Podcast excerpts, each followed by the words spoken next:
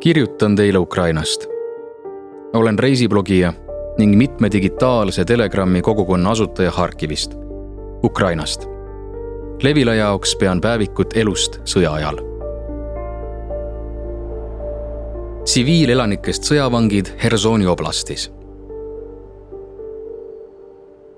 on päris imelik mõelda, et kahe tuhande kahekümne teisel aastal võidakse Euroopa südames tsiviilelanikke niisama heast peast vangistada kuid reaalsus on selline, et just praegu seda Lõuna-Ukrainas tehaksegi.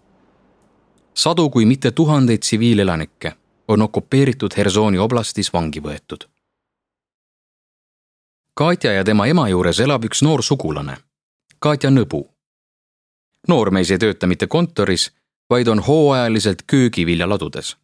igal hommikul kell seitse istub ta koos teiste töölistega väikebussi ja sõidab ühte või teise lattu põllusaadusi sortima sõjast ja okupatsioonist hoolimata jätkavad need inimesed oma tööd. ning ühel sellisel päeval, mil töölised olid kokku tulnud, istunud väikebussi kirjaga Inimesed ja suundunud järjekordsesse juurviljalattu, pidasid okupandid neid linnast väljasõidul tõkkepostil kinni. kõigepealt kontrolliti kõiki naisi ja vanemaid inimesi. Neil lasti minna. kuid nooremad mehed võeti kinni nõndaviisi langes Katja Nõbu okupantide kätte vangi. tema ja teiste noorte meeste käed pandi raudu ja ketiga pingi külge kinni ja muudkui kuulati üle. hiljem tuli tõkkepostile teine vahetus, kes tõmbas vangidele kotid pähe, mõnele koguni kilekoti. sedasi käed raudus ja kotid peas veeti mehed teadmata suunas minema. hiljem selgus, et nad toodi lastelaagrisse kuhu okupandid olid oma staabi sisse seadnud. loomulikult võeti vangidelt ära telefonid ja kõik kaasas olnud dokumendid. laagri teisele korrusele on okupandid teinud vangla. inimesed paigutatakse seal eraldi ruumidesse ja hoitakse teadmata kaua kinni. esimesel korrusel käib kinnivõetute ülekuulamine okupante huvitab, kas inimene on sõjaväes teeninud ja eriti, kas ta teenis kahe tuhande neljateistkümnendal aastal Donbassis samuti huvitab neid igasugune teave Donbassi sõja veteranide kohta. Nendel veteranidel on okupeeritud territooriumidel eriti ohtlik viibida. ülekuulamised toimuvad mitu korda päevas ning ikka ja jälle küsitakse, ega vangile pole mõni Donbassi sõdinu meelde tulnud. lõpuks nõuti Katja Nõolt sõjaväepiletit. kuna see oli tal kodus, siis tõmmati talle jälle kott pähe ja sõideti tema koju seal sõjaväepiletid lihtsalt pildistati. seejärel viidi Katja Nõbu baasi tagasi ja öeldi, et ta on nüüd vaba, kuid peab sõjaväepiletid kaasas kandma, kuna nüüdsest on see tema isikut tõendav dokument. passi aga jätavad nad enda kätte. Katja sugulane viibis vangistuses kaksteist tundi ning tal vedas väga. tal lasti ju minna. ent oli vägagi reaalne võimalus, et ta istuks seal veel praegugi okupantide tegevus ei allu loogikale ning kinnipeetud inimeste kohta on pea võimatu mingit teavet saada. kui inimene kinni võetakse, siis pole lootustki teada saada, kus ta on ja mis temaga juhtus. Katja sõbratar võeti kinni Lazurne külas ja viidi öösel Hersoni. seal hoiti teda nädal aega eeluurimisvanglas üksikvangistuses. kinnipidamise põhjuseid talle ei selgitatud ning niisama lihtsalt lasti ta vabaks. kuid arusaadavalt ei ole kõigil õnne vangistusest pääseda. paljud inimesed viibivad praegu trellide taga ja omaksed ei tea nende saatusest midagi. arusaadav, et sellised kinnivõtmised ning ainuüksi selline võimaluski on tsiviilelanikele psühholoogilise surve avaldamise meetod.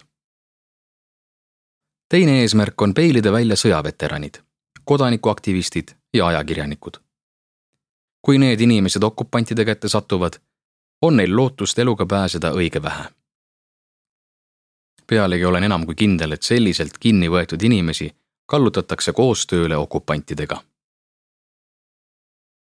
seda, mismoodi töötavad Venemaa eriteenistused, eeskätt FSB, sain omal nahal kogeda kahe tuhande neljateistkümnendal aastal. Euromaidani ajal, enne sõda Donbassis ja Krimmi annekteerimist sõitsin Leedu kaudu Kaliningradi oblastisse. Vene piirivalvurid võtsid mult passi ära ja viisid mind väikesesse tuppa, kus polnud muud kui üksainus tool. mind hoiti seal kaheksa tundi. siis saabus mingisugune FSB major ja grillis mind ligi kolm tundi. küsis kõikide minu välismaa sõitude kohta. iseäranis huvitas teda, miks ma nii palju Gruusias käin. ülekuulamise lõpus tegi seltsimees Major mulle ettepaneku hakata tööle FSB heaks ja edastada andmeid Euromaidani aktivistide kohta. eriti nende, kes plaanivad minna Ukrainast Kaliningradi revolutsiooni tegema. tookord ajas see jutt mind naerma. kuid nüüd, aastaid hiljem, mõistan, et tema meelest olid päriselt olemas mingisugused Ukraina aktivistid, kellele läks Kaliningrad nii palju korda, et nad tahtsid seal Euromaidani korraldada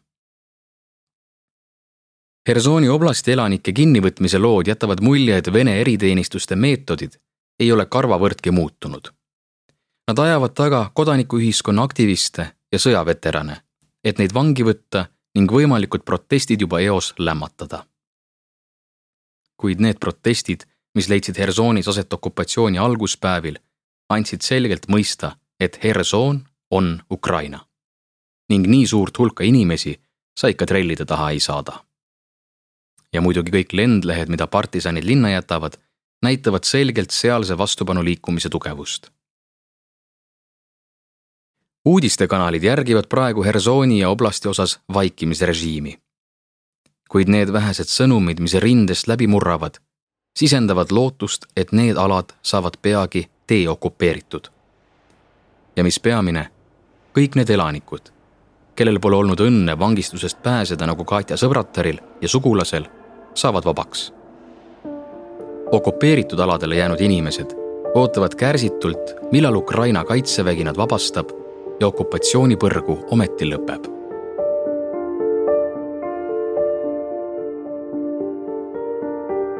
autor Taras Kovaltšuk, tõlkija Veronika Einberg, toimetaja Iisa Laan. audiolugu loeb Karmo Nigula. salvestus, helikujundus Janek Murd. originaalmuusika Konstantin Tsõbulevski